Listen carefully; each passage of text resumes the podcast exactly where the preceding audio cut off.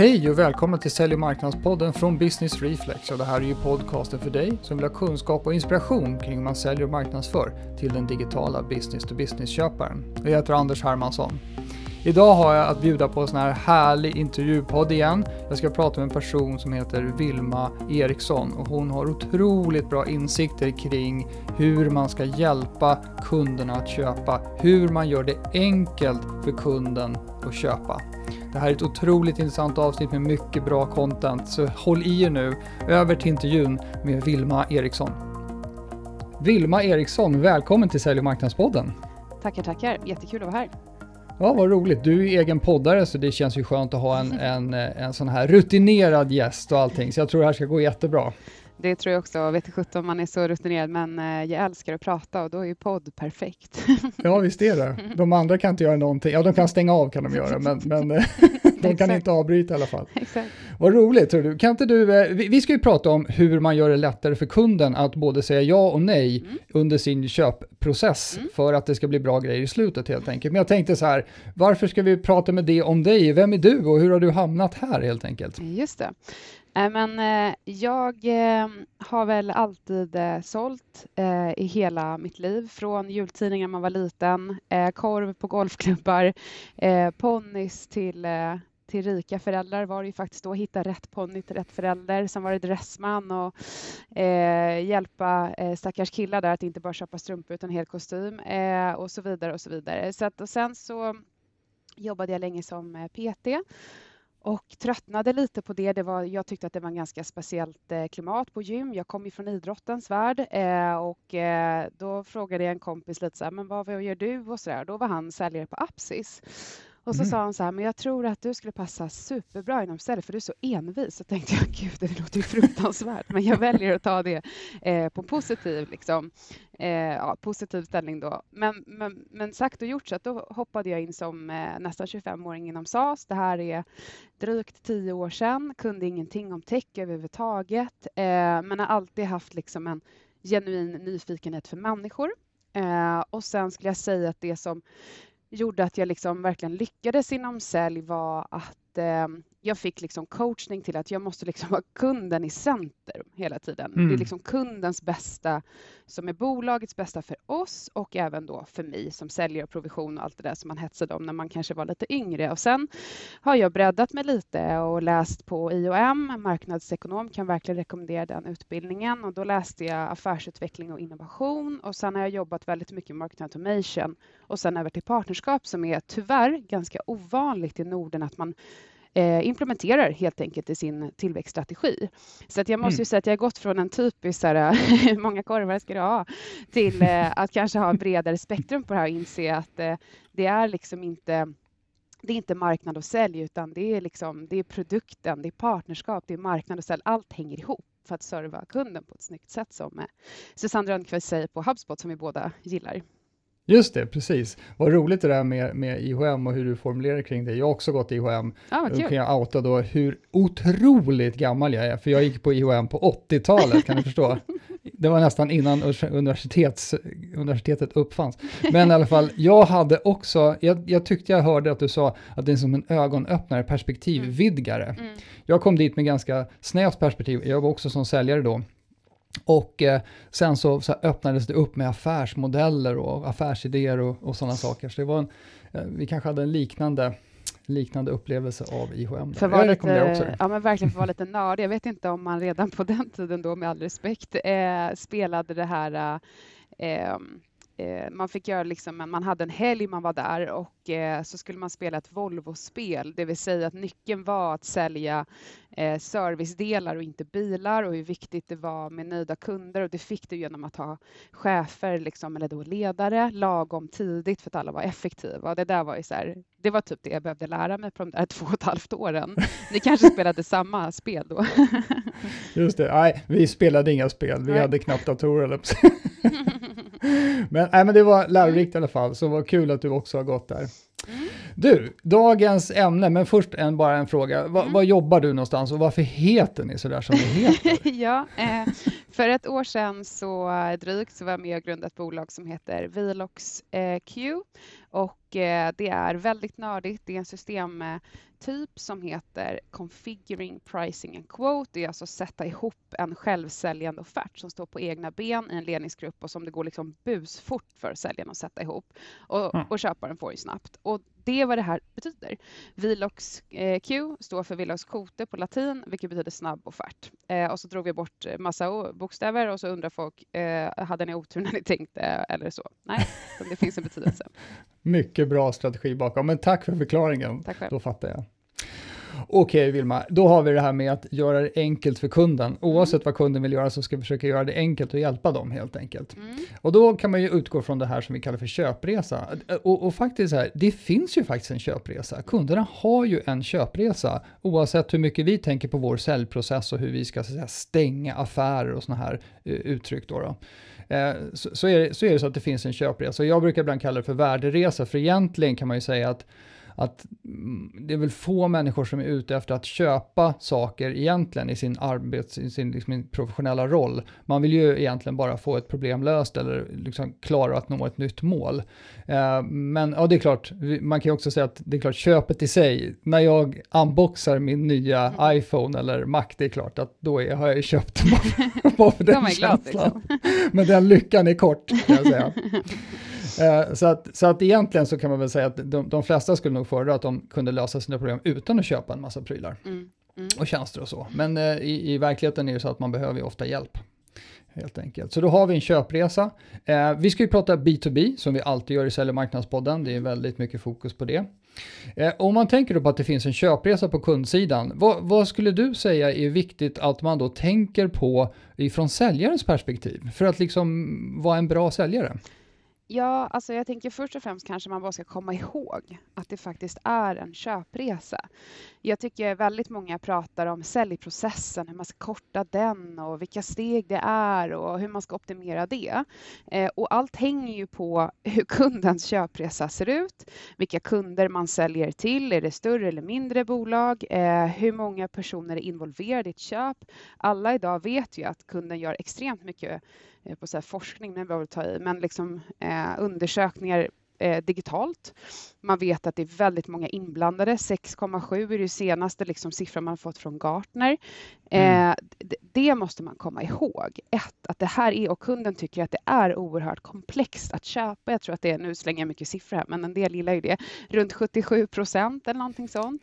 Som jag har sett samma slide. Ja, vad härligt. Att det är oerhört komplext att köpa in grejer och det här måste man förstå och respektera och eh, stötta i. Och, och där tror jag att, eh, lite som jag var inne på, min personliga inledning där, att man måste vara nyfiken på folk. Du måste hjälpa dem att göra det enklare och bättre.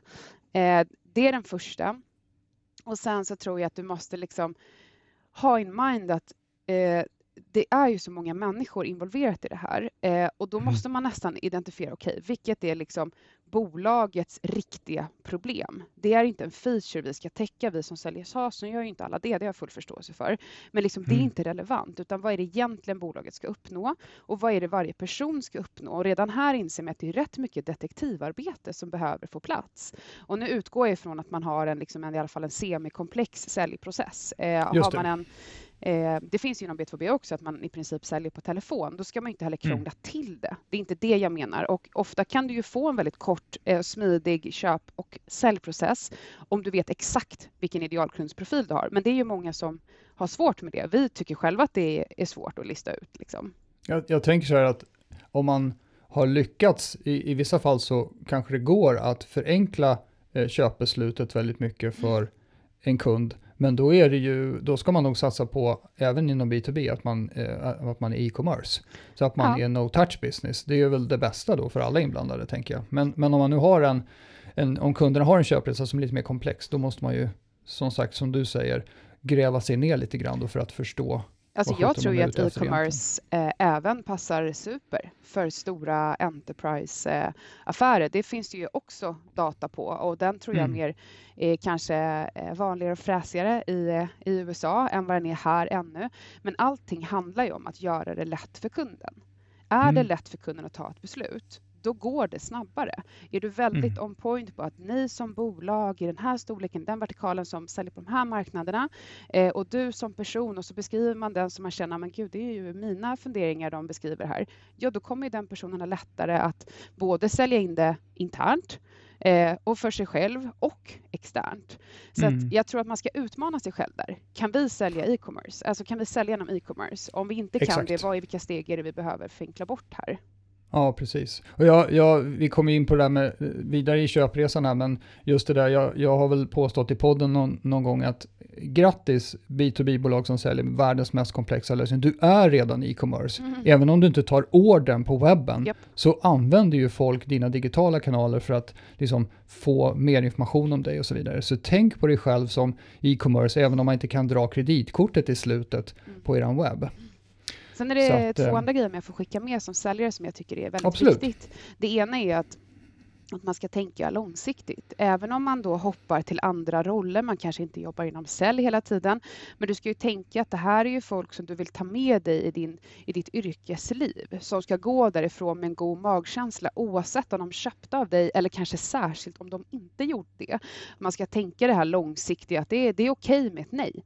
Det innebär att mm. jag som säljare eh, ska lägga tid på en annan kund istället. Det är liksom inte värre än så. Eh, så det är en grej och den andra grejen är att eh, som säljchef och VD att du liksom ser till att ditt säljteam har bra verktyg så att de kan ligga steget före. Jag är ju väldigt för att eh, ja, men, tracka liksom allt ifrån offerter du skickar över, hemsidebesökare, de öppnat eller mejlen, har de klickat och länkar. För det här hjälper ju mig som säljare att ha bättre koll. Eh, mm. Ett, ett, exempel när jag, jag har ju tidigare jobbat på ett bolag som heter GetAccept och var partneransvarig där, men i och med att jag älskar att sälja så sålde jag lite ibland när jag fick. Eh, och så hade jag en gammal kund eh, som jag då hade haft på ett annat tidigare jobb som heter Upsales. Och vi var liksom, ja, men jag skulle säga att vi var liksom nästan polare snarare än en kundleverantör förbindelse. Och då sa en kille då på GetAccess men ta den affären du vill, men du känner ju dem. Mm. Ja, så var det ett superbra möte, det fanns ett tydligt behov, pengarna var inga problem. Och sen är det bara, är helt stendött. Jag hör ingenting. Och jag ser, de öppnar inte dokumenten. Beslutspåverkaren gjorde det, men inte beslutsfattaren. Så efter typ tre, fyra veckor så drar jag bara ett mess du, eh, jag tror inte det var rätt timing för er. Ha en god jul, typ. Tja. Mm. Eh, och sen efter jul så bara, du jag är så hemskt ledsen att jag inte hörde av mig. Det var lite interna grejer. Tack för att du backade av. Eh, mm. Det är den man vill uppnå, även om det är jättekul om de köper. Men det är liksom det där som verktyg kan ge era säljare om man är lite mer modern än att bara förvänta sig att man ska jaga ihjäl folk. Det känns ju så 90-tal som man dör. Just det, så om man är, om man är lyhörd där, alltså, en, ja. en instinkt kan vara att man ska jaga på om det inte händer något hos kund. Ja, men det är klart att du ska driva till ett beslut, självklart. Mm. Och, mm. Eh, och till exempel, vi gör alltid så att om jag skulle försöka boka ett möte med dig och så mm. säger du så ah, men det, det verkar intressant, hör av dig om några veckor. Då skulle jag istället säga, ah, men du, eh, Eh, är det lugnt om vi typ så här, att jag kommer med ett förslag på tid? Eh, men om du hellre vill liksom, att jag återkommer så gör jag det. Eh, och samtidigt mm. så drar jag över en kalenderinbjudan. Och jag kan säga mm. nio av tio gånger tackar ju folk ja. Folk orkar mm. inte. De tycker det är smidigt, det. så det är ganska pushigt. Medan om mm. jag sen ser efter mötet att du, äh, men du är inte ett dugg intresserad, du öppnar ingenting, du verkar inte bry dig. Ja, då hade jag nog backat av ett tag. Mm. Det är bra. Då sätter man sig ju verkligen i kundens, i kundens kläder. Ja, men grymt, bra. Och, och, det där med den långsiktiga inställningen, eh, om man, om man ska tänka på det, man ska ju kunna liksom vara, om man nu har länkat till folk på LinkedIn, mm. så ska det även efter en säljprocess vara, eh, ha goda relationer, även om man förlorade affären och så vidare, så att man kan, man kan återkomma där och pinga när man får ett nytt jobb eller när det kommer någonting nytt. Det kan ju rent av vara så att kunden får ett behov som passar mm. din lösning eh, efter ett år helt mm. Eller de känner mm. någon. Alltså, mm. eh, särskilt, eh, alltså, egentligen är ju alla länder en liten marknad, men nu utgår jag mm. ifrån att man, de som lyssnar på det här kanske sitter i Sverige eh, och eftersom det finns fler större befolkning i Stockholm kanske många sitter eh, där jag gör. Eh, alltså ja. folk känner varandra. Eh, mm. Don't fuck it up liksom. Utan Nej, ge precis. det här lilla extra, skicka den där summeringsvideon så att det är enkelt för dem och när du märker, backa av och lägg till på länkarna och säg du tack för jättetrevliga dialoger, jag connectar gärna så att de också ser dig framåt över tid och det värdet du ger. Mm. Eh, ah, men det känns ju självklart. Liksom. Det är som annars gå på en fest och typ nypa folk i sidfläsket. Det skulle inte folk tycka var så nice. det är lite samma grej. Verkligen liksom. inte. Men jag, jag tänker så här, vad är det då som skulle kunna göra att man lockas att inte bete sig på det här sättet? Och om jag ska komma med någon form av mm. tanke själv så är det väl det då som tryck som kommer från ledningen möjligtvis. Att man mäter folk och eh, utmanar folk, säljkåren, på fel grejer. Mm. Vad tänker du kring det? Ja, alltså direkt när du sa det så tänkte jag okunskap. Eh, och det mm. tycker jag hänger ihop med både ur ett ledningsperspektiv. Eh, jag kan inte förstå att man mäter, jag brukar säga tillväxtorganisationen, för det är liksom inte sälj och marknad och nu tjatar jag mycket om partnerskap, men jag vill liksom inspirera till det. Eh, det. det. är inte olika avdelningar, det är alltså kunden har en köpresa. Eh, mm. Punkt. Liksom. Mm. Och sen ofta är det ännu värre för det är flera personer som har en parallell köpresa med olika orosmoment och olika drivkrafter och vad som ser bra ut för dennes chef, alltså hos kunden. Mm. Eh, så att det är klart du måste ha gemensamma mätetal och mäta det som verkligen ger någonting på ett långsiktigt perspektiv. Sen förstår jag också. Eh, menar, jag äger ju bolaget idag. Ibland kan man ju känna så här, fan, bokar de ett trevligt möten så bara helvete, det är jag som ska göra det. Liksom. Mm. alltså, absolut, jag förstår att det är svårt, men det blir ju då en okunskap. Eh, och samma sak ur en säljares perspektiv. Jag tycker ofta en junior säljare är den här mer eh, krängaren, medan en senior säljare vet att man är en säljare. Man alltså är någon mm. som hjälper kunden och därför finns massa floskliga titlar som business consultants och allt vad det nu heter. Liksom. Just det. Mm, ja, det är riktigt. Och sen det där med insikten om, det är väl professionalism och erfarenhet som gör att man, insikten om att när en junior säljare tror att man är 90% framme så vet liksom den, mm. den erfarna säljaren att man är typ 20% framme. Ja, eh. och här är det ju verkligen upp till alla i säljledningen att coacha mm. både de yngre och mer seniora säljarna, för vi mer seniora kan ju också glömma bort det här givetvis. Oh ja. eh, att våga vara den här långsiktigheten. Jag hade en chef som heter Johan Nilsson som idag driver ett bolag som heter Start Deliver som just jobbar med customer success. Eh, och så kanske jag tappade en affär och var ledsen och så här. Han bara, vet du Vilma, vi ska sälja nästa kvartal också. Och det gav mm. ju mig ett lugn. Mm. Det är mm. klart att han ville att jag stängde kunden idag, men det var så vi ska sälja nästa kvartal också. Liksom. Det är inte värre än så. Och där måste du coacha. Det är, ett, det, är det man ska coacha, tycker jag. Mm. Eh, avslutsteknik i all ära, liksom. det kommer ju naturligt om du har gjort ett bra förjobb. Annars mm. behöver du ha en jäkla avslutsteknik för att du har någonstans trasslat till det tidigare och inte skapat ett förtroende. Och om vi bara backar bandet och pausar lite här så tänker vi så här, just det, man läser digitalt, alltså man ska både då träffa folk, läsa på, du ska kolla på ratingsajter, du ska fråga polare om det här är en bra leverantör eller inte. Du ska mm. få med dig i alla fall kanske tre, fyra, fem stycken med. Du ska övertyga ledningsgruppen, du ska bygga ett business case. Alltså det är svårt liksom. Mm. Då behöver du en leverantör och en säljare då som håller dig i handen och ger värde genom hela kedjan så att du kan känna dig trygg i det här och ha ett förtroende för någon som du faktiskt vågar säga så här, eller ännu bättre säljaren säger, Alltså jag är ledsen Anders, men den här lösningen är ju inte för er. Jag tycker att Nej, ni kanske ska ha konkurrenten eller ni, ni, måste, alltså ni har helt andra problem, ni måste börja någon annanstans. Mm. Mm. Ja, grymt, jättebra. Jag tycker det är superbra, för det här är ju på något sätt fundamentet för att resten ska funka. Att man har rätt inställning och att, att alla i organisationen har rätt inställning och serva kunden och, och så vidare. Mm. Eh, du, jag tänker så här, mm. det, är då, eh, det, det, finns ju också siffror på hur stor del av köpresan och så vidare som kunderna föredrar att göra själva innan de kontaktar en leverantör och, och det där. Eh, vad, vad, vad, skulle du säga kring det? Kunderna vill då göra en massa själva. Mm. Förut hade vi, när jag gick på IHM, då fanns något som hette Gula sidorna, det var en tjock telefonkatalog. ja. Då skulle man liksom hitta en leverantör och Den gamla godingen. så tittar man så här, ja, då tittar man på IT-system, då ska vi se vilka som säljer det. Och så ringde man dem och de visste allt och man visste inget själv. Mm. Nu vet ju kunderna allt och så vidare, det, mm. det känner ju alla till. Mm. Men det här med att köpa själv då, mm. Det kan ju vara svårt. Liksom, kan kunderna köpa själva, skulle du säga? Eh, jag skulle säga absolut. Eh, om leverantören är skillad nog att kommunicera på ett sätt som kunderna förstår.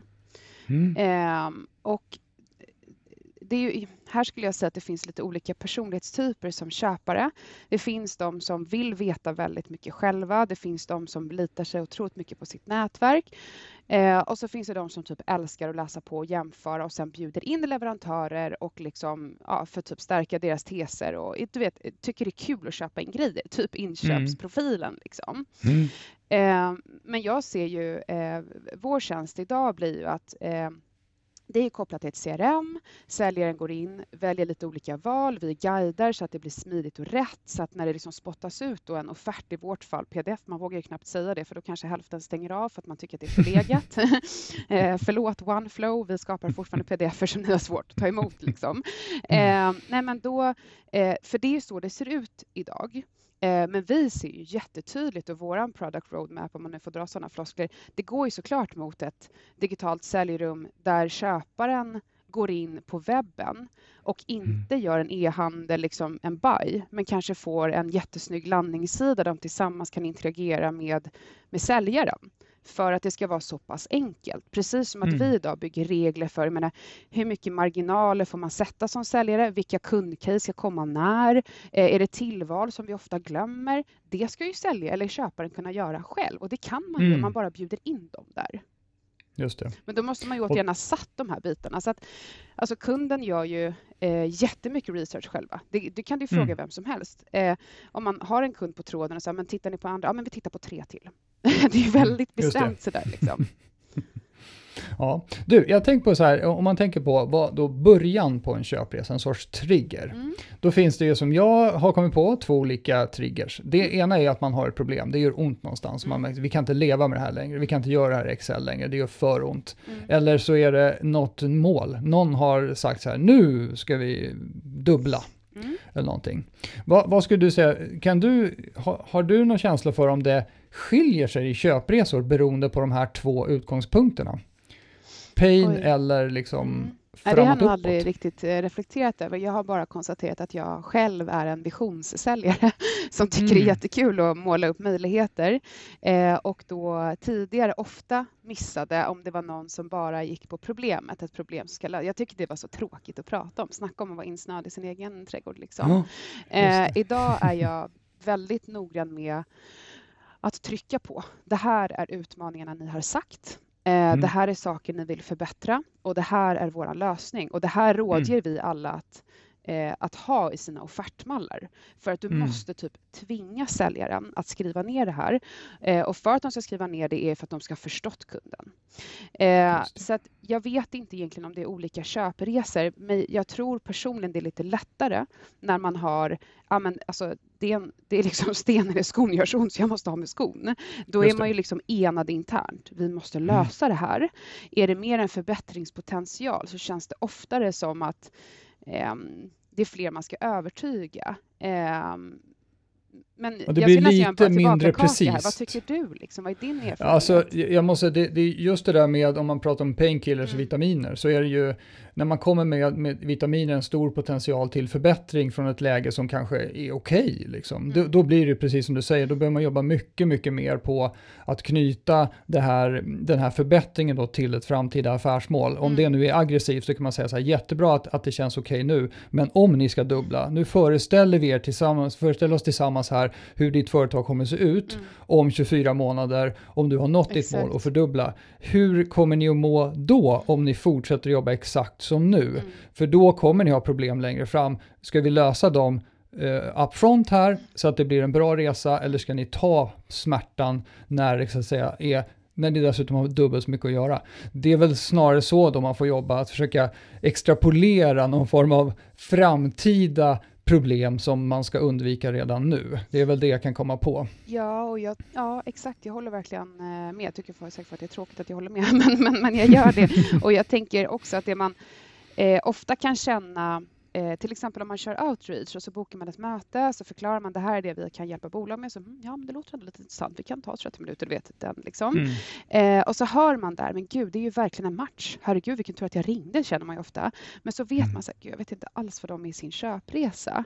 Eh, har de ett, för drömmen är ju när det är ett man har bestämt sig. Liksom. Vi har ett ledningsgruppsbeslut på det här. Vi måste lösa det. Och då är det ju ofta ett pain.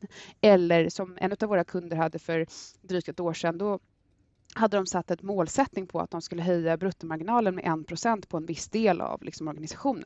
Alltså vilket ja. jättetydligt mål. Super, vi mm. kan både jobba mot det, om man nu får säga så, sälja mot det mm. och vi kan följa upp Just om vi lyckades. Mm. Eh, jag tror att det är, väl, det är väl där som gör att det här att det är ett pain då som gör att det är lättare för att eh, eh, kunden är köpredo. Det är den inte Mm. kanske alltid annars, utan då måste vi göra en köpresa. Eh, eller köpresa, det också, Ja. men köpredo. Ja, just det. Och, det, det du är inne på nu, det är ju en, en utmaning naturligtvis när man ska hjälpa eh, köpare. Just det där att man inte kan förutsätta saker för att kunderna är på så otroligt olika nivå och det händer väl ofta att man pratar över huvudet på kunden Ja. och i, i, i snälla, snälla trygga Sverige så sitter ju folk och nickar och ler och så här ja, jag förstår ingenting, men Nej. det gör inget. Vi har ju möte här så att vi sitter kvar medan kanske i andra länder så säger man du det här var, det var inte vad jag förväntade mig, nu avslutar jag mötet, hej då. Ja. Eh, Så det, det, just det där att hitta nivån som Mm. köparen är på är ju oerhört viktigt. Och där tänker jag, där kommer ju säljprocessen in. För Mhm. att uppenbarligen har ju kunden en köpresa, det, det har ju vi nu har vi förklarat det för folk som opponerar folk av oss Eh, på ett pedagogiskt sätt, jag vet inte. Mm. Men det är här säljprocessen kommer in.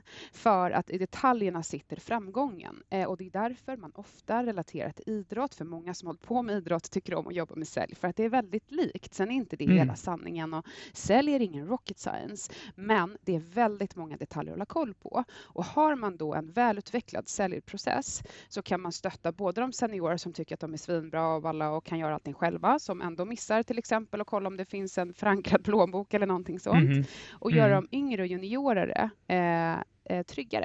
Att det är så här, här är stegen vi behöver gå igenom. Och då kan man också mappa in, okej, men kunden är nog ungefär här i sin köpresa, okej, men då är det här vi behöver göra vår säljprocess. För jag tycker det är, det är där som då avgörandet blir hur hög hitrate man har, eh, högt snittordervärde man har, för de två grejerna blir högre när kunden känner trygghet eh, och det Mm. gör man genom att det känns helgenomsyrat. Liksom. Just det. Vi brukar göra så när vi pratar säljprocesser med, med våra kunder, då Mm. brukar vi ha de här stegen då kan ju vara lite olika, men Mm. egentligen är de ganska samma på Ja. olika kunder. Men, men då brukar det vara bara lite kryssrutor per steg. Mm, mm. Eh, Så att när man gör deal review på, på en affär, då kan man ju säga, det här ser ju jättebra ut, oj du har kommit till tredje steget, men titta här, här fattas det ju en plupp här i första steget. Ja. Eh, Har du kollat budget? Och det hjälper Eh, ju. Alltså det, ja, det är inte för att sätta dit en säljare, det är för att hjälpa att driva Mm. det framåt. Eller för all del släppa om man märker att "Ja, men kunden är inte med här. Liksom. Nej, Det är som precis. dating liksom. Man kan inte liksom tjata ihjäl någon utan de måste vilja liksom höra av sig tillbaka. Det, det Man bara måste dansa så. tillsammans. Ja. Ja, exakt. Eh, jag funderar på så här, om man nu skulle försöka eh, trilla igenom en köpresa här lite snabbt, om man säger att man har en köpresa kanske i tre steg, där, där det finns då en, en insikt från, från kunden, eh, den framtida köparen, att de har då ett problem eller en utmaning som de behöver göra sig redo för att anta en tillväxtresa eller något sånt där. Det första man gör då, det är att man måste undersöka och eh, läsa på. Eh, det är oftast det man, man börjar på Google, det är, det är oftast det man gör, kanske innan man går ut i sitt nätverk och sånt där. Men vad, vad skulle du säga att man då som, som säljare, som säljande organisation behöver ha koll på för att vara till hjälp så pass tidigt i köpresan? Ja, man ska vara mycket bättre på det vi själva faktiskt är skitdåliga på just nu. Eh, SEO är ju superviktigt. Att Mm. ständigt liksom ha koll på eh, vad söker våran kundgrupp på? Eh, och eh, apropå Susanne där på HubSpot som vi nämnde tidigare, jag såg en föreläsning för henne för nu, jag vet inte om det är två, tre år sedan kanske. Mm. Eh, hon, drog, hon, hon drog det till ytterligheten och hon sa om det är så att det är en målgrupp söker på lila paraplyer, då ska ni skriva om det, även om det inte är Mm. det ni gör. Sen menar inte hon att man ska vilseleda folk, men hon menar att man måste vara öppen för att det kanske inte bara är om man säljer CRM. Man kanske inte bara googlar på CRM, nu tror jag att man gör det just i det fallet, Mm, men jag tror att folk mm, förstår här, så vilka problemområden är det man är ute efter? Man kanske inte ens vet att det är ett nytt CRM man behöver. Så att det skulle jag säga är superviktigt. Eh, du Mm. måste ha en sajt som enkelt förklarar vad ni gör och det är ju jättesvårt. Mm. Och sen tror jag att eh, jobba mycket mer med video. Folk är ju väldigt rädda för video. Eh, man säger att man inte är det, men man jobbar inte heller så mycket med det. Eh, och tittar du på en video så tar du in informationen upp till tio gånger mer.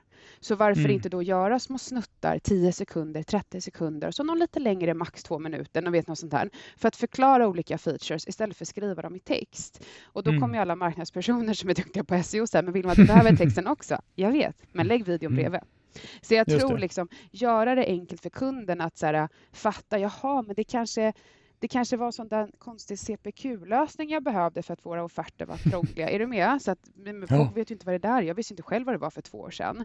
Eh, och sen så här, men vad gör de då? ah, det är det där problemet vi har och så gör man en liten konvertering. Alltså, det, det, är ju det och det här stöttar ju sen, det där är ju början. Sen är det samma sak i säljprocessen, att säljarna kan inte bara förklara, förklara, förklara. De måste dela material och content och då måste det ju finnas det. Och sen mm. jättegärna andra då som, ja men vi lyckades så här och stöttande med influenser utanför. Var inte blyg med att jobba med kringliggande system eller tjänster som kunder redan använder. De som sitter mm. i styrelsen, investerarna, det, det, finns fler än bara de där personerna som är rädda i ledningsgruppen för att ta ett beslut. Det finns fler det. som kan influera det här beslutet runt omkring. Så du måste se det precis som att en säljare har inte one port. Liksom, kunden har en köpresa, jättemånga ja. influerar den och det, vi måste liksom vara lite grann överallt. All, liksom. Överallt, ja exakt. Ja. Jag, gjorde, jag pratade med någon igår om crash course i SEO, så sa jag men säg så att ni säljer tandpetare. Mm. Om folk letar efter tandpetare, då ska du ju skriva artiklar om tandpetare. Mm. Om ingen gör det, då kanske du ska skriva artiklar om, om uh, dålig andedräkt, hur man fixar exakt. det. Om det inte är någon som är intresserad av andedräkten, så här, då måste du skriva artiklar om hur du skapar nya relationer med människor.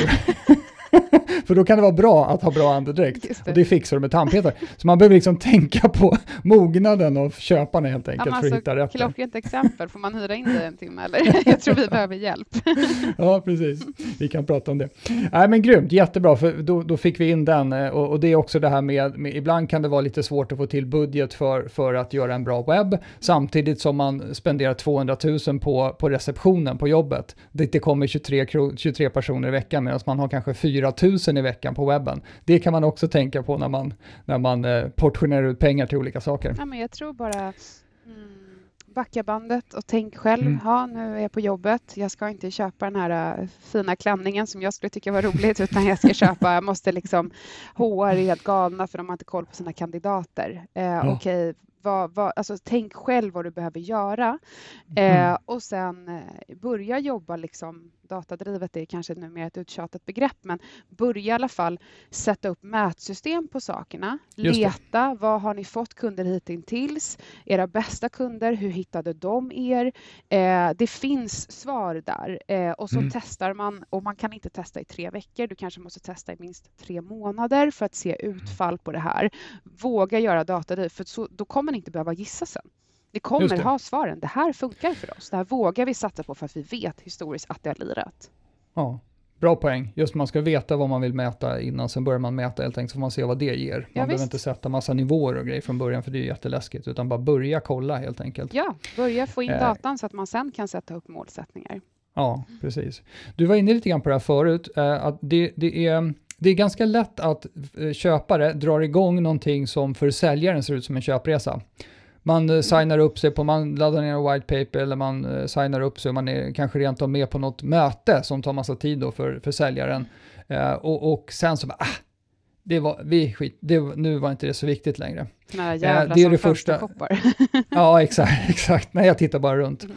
Det är bra om man säger det, att man bara, nej, vi, vi, är, vi är här just nu, vi kollar runt. Mm. Eh, så man som säljare kan veta hur man ska agera utifrån det. Mm. Men det, det, det, är ju det när folk håller på, inte investerar så mycket politiskt kapital, man lägger inga pengar på något köp eller något sånt där, man håller på att kolla runt lite grann. Men sen kommer jag då till nästa fas, där du, som du var inne på lite grann förut, när det blir krångligt. Eh, när man då säger så här, men okej, nu, nu har jag hittat en typ av lösning som jag tror skulle kunna lösa vårt problem.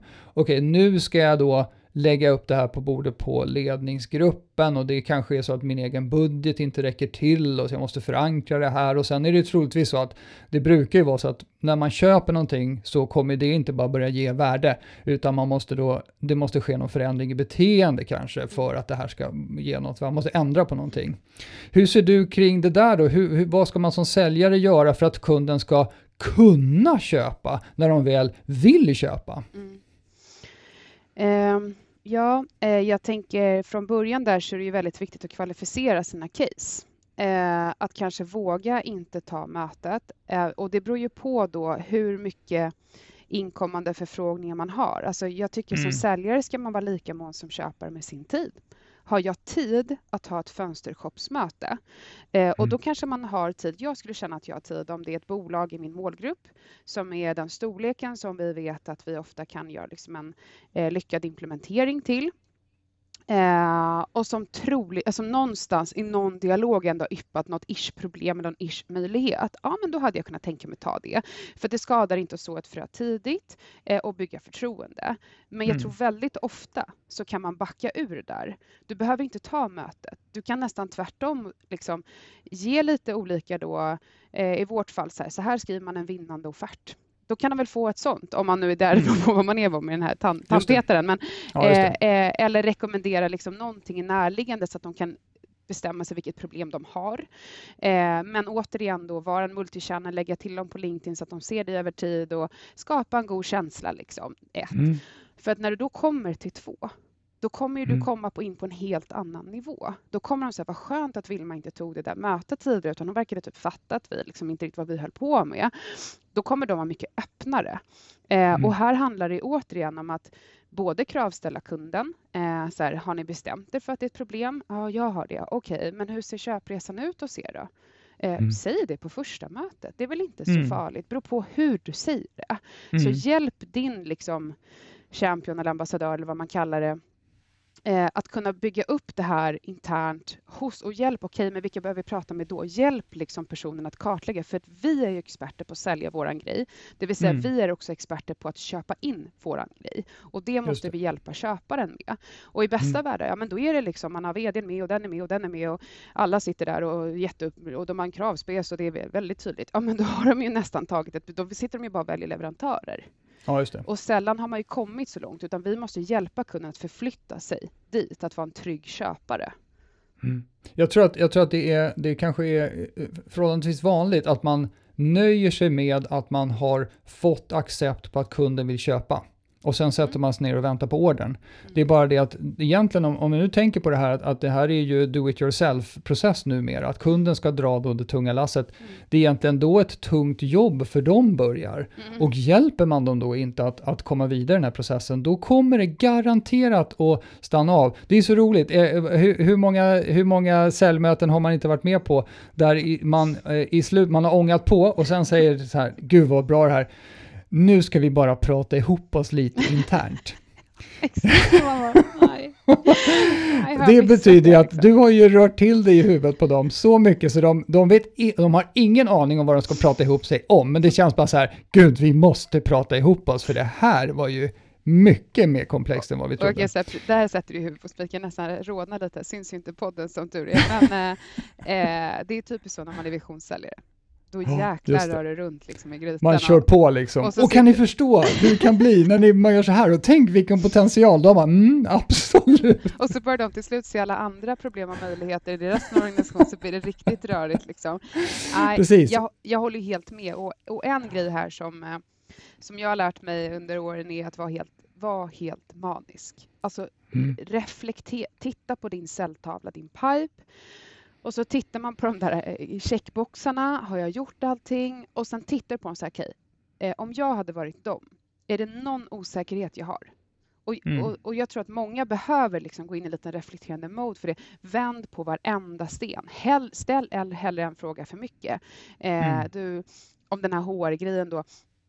Eh, det är ju bra att HR är med, men kanske de rekryterande cheferna, vad säger de om det här? Du vet, så här, leta ordentligt hos kunden, för det hjälper ju också dem att ställa de där frågorna innan så att man inte kommer till den där mm. nu ska vi bara liksom ha eh, kumbaya-möte om det här, då vet man det där kommer ju bli helt crazy, Nej, det, blir, liksom. det blir ett mysigt möte, precis. Ja. Och sen så, så ska de prata ihop sig internt. Jag, jag, har gjort så några gånger i alla fall. Jag har sagt så här, vet ni vad, nu är det väl så här, efter det här mötet så behöver ni prata ihop er internt. Jag gör så att jag skickar över en lista med punkter på allting ni behöver prata ihop er om. Och så kan vi boka ett nästa möte nu där vi går igenom det. Så att man liksom, för det är nämligen så att de kunderna som säger att de ska prata ihop sig internt, de vet väldigt sällan vad 17 de ska prata ihop sig internt om. De är förvirrade på en högre nivå. Så det kan man ju tänka på, just det där handlar om att hjälpa dem att köpa. Mm. Även, för nu vill de, de ser ju lika mycket som du som säljare ser din vision. Du, du har ju liksom gått igång på det här och är entusiastisk och delar mer av det. Så ja, tänker de. Och sen har vi ett jobb också samtidigt som vi ska sköta, samtidigt som vi ska köpa det här. Exakt. Ja, men bra, bra. Eh, Det, det, vi kommer tillbaka till samma sak hela tiden. Hjälp kunden att köpa. Vi hade faktiskt, det var så här, nu är det väl här podd 194 eller 93 och jag tror att det är en av de första poddarna vi gjorde 2014 någonting. Ja. Där hade vi liksom sluta sälj, hjälp kunden att köpa. Så det finns, det här är ett evigt ämne som kommer tillbaks. Eh, Jag tror bara att vi har blivit bättre på det sedan dess. Jag hoppas det. Jag hoppas det. Ja ja, men gud. Sen är det så här, okej, då är det så här, vi har fått kunden att vilja köpa, vi hade bra information på vår webb där vi förklarar vad sjutton vi håller på med, vilka problem vi löser och så vidare. Sen har vi fått dem att tänka till på alla de hinder som finns internt, så att de har faktiskt diskuterat igenom det här och nu vet de hur de ska köpa det här. Då ska de ju då välja en leverantör eh, och en partner. Och det är väl så här, har man varit den säljare som har hjälpt dem genom hela den här resan, då ligger man ju typ bra till kan man ju säga. Sen så finns det ju då eh, såklart eh, vad, vad ska man säga, det finns ju olika typer av beslutsstilar. Vad skulle du säga kring det? Att, att, de här, att beslut kan fattas på olika sätt när det väl ska till och faktiskt skrivas på. Eh, hur tänker du? Alltså, är det personer som tar beslut på olika sätt? Eller Ja, om man precis. ska faxa jag tänker eller det. mejla? liksom, Ja, det på finns, ju, det, finns ju, eh, det finns ju mer eller mindre formella beslutsprocesser just för att göra, det kanske var så att hela den här köpresan som vi har pratat om hittills, det är ju då kan sluta i en offentlig upphandling. Det. Eh, Mm. Där man kanske då har fått till upphandlingsunderlaget på ett fördelaktigt sätt för sig själv. Ja. Eller så är det någon som, som köper på känsla, tycker att det här blir ju skitbra, nu Mm. kör vi. Eh, och, Precis och, och där, lite tankar kring hur man behöver agera där då för att hjälpa de här olika Mm. stilarna helt enkelt. Okej, ja men då är jag med. Eh, för det första så tror jag att alla köper på känsla eh, och de som Mm. säger att de inte gör det gör det nog eh, ännu mer för då tycker man att man är så välinformerad. Eh, och sen tror jag att det är väldigt få som också slår till på ett B2B-köp utan att ha gjort eh, research. Men man går mycket efter den säljaren man gillar, leverantör man känner förtroende för, som kanske andra man känner, som man ser upp till använder. Det beror ju helt på hur man är som person och eh, vilka liksom drivkrafter man har, om man är liksom typ en early adopter eller man är mer en trygghetsperson kanske. Eh, Mm. så, jag, så det är ju jättebra om köparna inser eh, att man ofta, man, det kommer, känsla kommer vara med i beslutet, vare sig man vill eller inte. Liksom. Eh, jag personligen har ju inte sålt så mycket till upphandlingar, men jag har varit väldigt nyfiken på det eftersom jag inte har varit där så mycket själv och då har jag förstått att eh, det som är framgångsrikt där är ju såklart att fylla in, eh, fylla i saker rätt och i tid och Eh, inte alltid, men ofta ha ett bra konkurrensmässigt pris, men också bifoga saker utöver den här RFP eller vad de kallar Mm. det, som Mm. gör att du får den här tryggheten och återigen den goda magkänslan. Vi vill gå med de här, att det här kommer Mm. vara rätt partner för oss. Så att Så jag tror verkligen där. Vi ser ju när vi träffar våra kunder och ser på deras offerter ser ut idag, ibland i värsta världar, så jag brukar säga det här till våra kunder också, det är en fakturaoffert som kommer. Mm. Eh, svart på vitt, det står lite texter, kanske någon lite om oss och sådär. Ja, men, men vilket pain var det då? Ska vi inte påminna kunden om det? Vad har de uttryckt under köpen som de behöver? Har vi plockat Mm. upp lite citat under mötets gång? Eh, när vi haft tre, fyra, fem, sex, inte vet jag hur många möten vi har haft som folk har sagt, ja men det här skulle ju verkligen lösa våra problem. Skicka med det. Och sen Mm. liksom ta med hur duktiga ni är när andra säger det. Berätta inte det själva. Ja, Ta med liksom G2 Crowd eller kundtestimonials och sen givetvis, hur går det till? Vad händer nu då? Om vi köper, hur går det till så man känner sig trygg att ta det beslutet? Och sen Mm. självklart så måste ju ett pris vara presenteras på ett förståeligt sätt. Och Ja, gärna kanske inte det här är det ni har sagt, men det här, det här, det här, det här, det här, det här, utan det behöver ju vara någon kanske så fas 1, fas 2, återigen gör det enkelt för folk att ta det här beslutet. Så Mm. jag tror nästan eh, oavsett om det är ett mer formellt eller informellt, eh, du behöver ha presenterat precis som hemsidan. Enkelt, tydligt, konkret. Eh, Mm. Och då pratar jag inte om 30 sidor business case, för det läser inte folk. Eh, Nej, vet du vad? Får jag, får jag avbryta lite grann? För du, nu är du offertexpert här, så då måste jag fråga, för det är ju så här, okej, då, skriver vi, då skriver vi vår offerter och vi tar med det här eh, argumenten för och den, den, vart, den vart 23 sidor, men nu innehåller den ju allting, så då betyder det att någon annan beslutsfattare kan ju läsa då 23 sidor för att sätta sig Mm. in i hela caset, hade du men det gör den? de ju inte. Hade du Ja, läst den? det, Liksom? det är aldrig i livet. Det är så här, man bläddrar ju fram till sidan 23 där det står Ja. pris Mm. och så står det 940 000 man tycker fy fan vad dyrt. Och varför jag tjatar om det här med offerten, det är inte för att vi själva gör det, men det renderar ju till det. Och vi kanske mm. har fått prata med en eller flera troligtvis en, två flera gånger. Men det är mm. flera mm. och ännu fler än vi kanske inte riktigt har kartlagt eller lyckats förstå eh, som mm. kommer ta det beslutet. Då tycker jag Rasmus Kjellman på Kundo som använder vår tjänst, han säger liksom förhoppningen med Vilox är ju att det kortar ner säljprocessen för att det är så tydligt vad säljaren och köparen eller köparna har kommit fram mm. till. Sen när vi då mm. skickar det här till någon som inte varit med så ska det make sense. Och det är det. det. som hela säljprocessen handlar om. Alltså mm. skiter vi också våra offerter. Men det är ju det det handlar om hela tiden. När det kommer till beslutet så måste det vara så busenkelt och tydligt. Annars mm. så kommer det bli frågor eller de kanske går med en annan leverantör som presenterar det tydligare. Mm.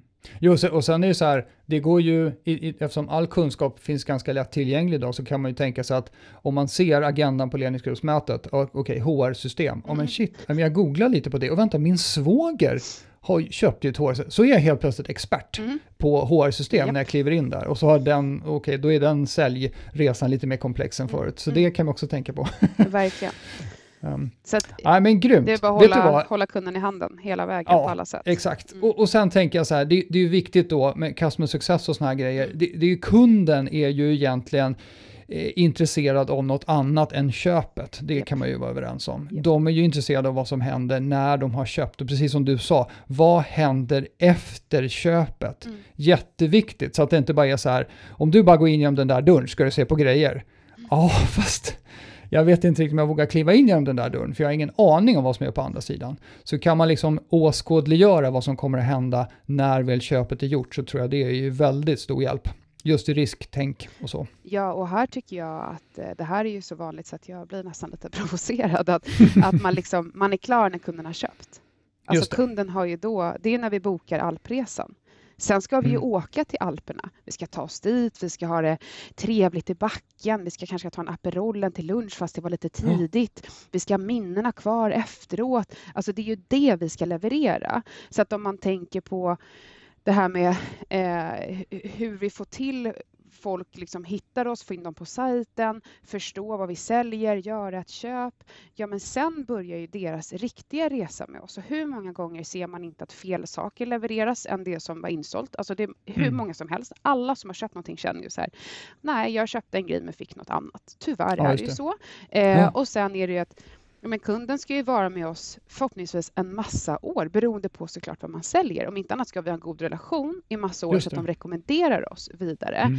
Eh, mm. Eh, det finns liksom inget nysäljteam och customer success team. Eh, det finns en kund med en köpresa och när de väl har köpt så, så pågår deras köpresa fortfarande. Just det, de behöver köpa hela tiden för att inte sluta köpa. Nej, mm. och det där är ju bra om, om man och det blir ju mycket tydligare nu tycker jag, fler och fler affärsmodeller bygger på någon form av, eh, av prenumeration. Ja, då blir ju det här till, liksom. det, mm. det hjälper ju leverantören att tänka rätt. Mm. Om man har en stor one-off-faktura man drar iväg mm. så finns det ju stor risk att man glömmer bort att de ska, de ska liksom vara lyckliga länge. Ja, det är ju upp till oss att behålla kunden som kund eh, mm. och om inte annat vårt rykte hos kunden så att de vill rekommendera oss till andra som kan köpa vår one-off-sak. Liksom. Just det. Just det. Ja, men grymt Vilma, fan vad bra. Du, så här, då har vi pratat om säljarens inställning, att det handlar om att ha en hjälpande attityd och våga backa och eh, säga nej när man själv, om man nu är duktig på, på att se om, om man kommer att passa eller inte, så kan man ju då serva kunden med att säga att vet du vad, jag tror inte att det här är rätt för er nu. Det är ju en underbar, underbar service till kunden och där behåller man den långsiktiga relationen, så det finns liksom en, en vinst för varje människa att göra det där också. Vi har pratat om olika stegen i köpresan där man behöver, dels har vi då SEO-grejen så att man blir hittad av de människorna som, som faktiskt, eh, vad heter det, googlar på det du har, mm. eller som googlar på problem som du löser eller som googlar på världsliga saker som skulle möjligtvis ha koppling till ditt problem som du löser. Mm. Eh, och så pratade vi om hur man kan hjälpa då köparen att köpa när de faktiskt vill köpa men inte vet hur sjutton det ska gå till för det är så många olika hinder. Och så pratar vi lite grann om just det där med att alla köper på känsla och jag tror du har helt rätt i det. Det är bara frågan att olika människor skaffar sig känslan på olika sätt. Vissa gör det med Excel-ark som är långa som slipsar och andra gör det på magkänsla och tycker att du var en schysst typ, vi kör. Mm. Men alla behöver få rätt känsla då. Precis. Så där är jättebra. Och, och slutpunkten var se till att skapa värde och se till att kunden fattar vad som händer efter köpet, för det är egentligen det de är intresserade av. Det andra är egentligen en transportsträcka. Vägen till värdet är viktig att förstå. Vad härligt. Du, eh, skicka med en sista grej. Absolut. Eh, för absolut. att kunna vara så här kundorienterad och innan vi har eh, även för större affärer att kunden gör det beslutet själv. För att ens kunna komma dit så mm. tycker jag att det är upp till säljledningen att veta vilka idealkunder man har, eh, ha den här säljprocessstegen för att identifiera detaljerna, säkerställa mm. att det finns en sajt som är optimerad med material vi kan dela innan, under, efterköp, alltså allt det här. Det, mm. det är säljledningens roll. Eh, mm. Och såklart vara lyhörda på sina säljare för att vidga det här och få nya idéer, absolut. Men säljarens roll är ju att vara liksom genuint intresserad, ha hjärtat på rätt ställe, hjälpa kunden, vara påläst, eh, följa och ge feedback till den här processen. Så att man liksom också delar upp vem vem har vilket ansvar i det här för att vi ska kunna vara det? Jag ser väldigt ofta att liksom, fortfarande än idag, men du har, det finns jättemånga bolag i vårt CRM. Det är bara att mm. köra. Mm. Mm. Är det faktiskt inte bara att köra? Nej, Utan att man delar upp det ansvaret bara, vill bara skicka med det. Exakt. Grymt. Jag tror vi har en podd om idealkundsbegreppet också, Snyggt. så den kan man, den kan man eh, lyssna på. Eller det finns en blogg också som jag har skrivit om det, men mm. det är mm. helt rätt. Tack! Man måste ju till att börja med se att man pratar med ett bolag som kan ha nytta av ens grejer, mm. annars ska man inte lägga tid, varken deras eller sin egen. Mm. Vi brukar avsluta mm. med poddarna med så här, okej, okay, nu har vi då på, efter bästa förmåga du och jag mm. gett det vi kan kring det här ämnet. Eh, och nu måste folk prata ihop sig internt. Vi Nej, men tänker så här, de ska prata ihop sig. exakt. Så vad borde, vad, borde du, vad borde man nu göra om man är vd för, för ett B2B-företag eller säljchef här? Okej, okay, nu har vi pratat om en massa bra grejer här som vi tycker i alla fall är det bästa vi kan komma på. Vad borde de göra nu då, då för att liksom ta första steget kanske i den här riktningen? Vad, vad, vad skulle man kunna tänka sig i det första konkreta steget? Eh, jag hade identifierat de eh, internt som eh, säljer bäst till nöjdast kunder och frågat ja. dem vad kan vi, hur kan jag stötta dig mer för att det ska vara enklare för kunderna att säga ja. Eh, och sen hade jag kanske även frågat någon som haft lite svårt med säljet för att se liksom, finns det eventuella differenser där. Och sen hade jag gått ut till kanske 10-20 kunder och gjort likadant. Eh, och sen mm. kommer jag kommer nog sitta med väldigt många intressanta eh, analyser om att vi säljer eh, olika grejer enligt säljarna Eh, och att kunderna kanske ser värden vi ger som vi inte visste om. Eh, och mm. sen förfina de här processerna. Grymt, vilket bra tips. Alltså, vad, vad in, gör dig själv intresserad av hur det faktiskt går till när ni säljer och hur, när kunderna köper och ta liksom ta datat direkt ifrån säljarna som är inblandade i processen och kanske ställa lite nya frågor på ett nytt sätt kring hur, och hur både de säljer. säljarna som säljer nytt och till befintligt, mm. eh, till kunder som är nya, som har varit med länge. Och sen vänd på de här stenarna. Var manisk. Mm. Hur kan vi göra det enklare? Just det. Toppen. Hur kan vi göra det enklare? Där slöts cirkeln. Snyggt Vilma! Tack så jättemycket för att du var med i Sälj och marknadspodden. Tack själv, det var superkul. Verkligen. Stort tack för att ni bjöd in mig. Och det här var allt vi hade att bjuda på den här gången från Sälj och marknadspodden. Hoppas att du kände att du fick inspiration och nya tankar kring samtalet med Vilma. Och följ Vilmas råd nu och bli liksom riktigt intresserade av hur era kunder köper av er, hur de skulle föredra att ni agerade för att hjälpa dem på den här köpresan. Jag tror alla har väldigt mycket att tjäna på just det där, från det där tidiga med att försöka förstå vad 17 de googlar på, till hur de så att säga ska kunna köpa er lösning och produkt, förutsatt att det är rätt för dem. Så ta tag i den biten, det tror jag är jätteviktigt. Men jag måste säga det sista då, att vad ni än gör där ute så ska ni vara relevanta. Hej då!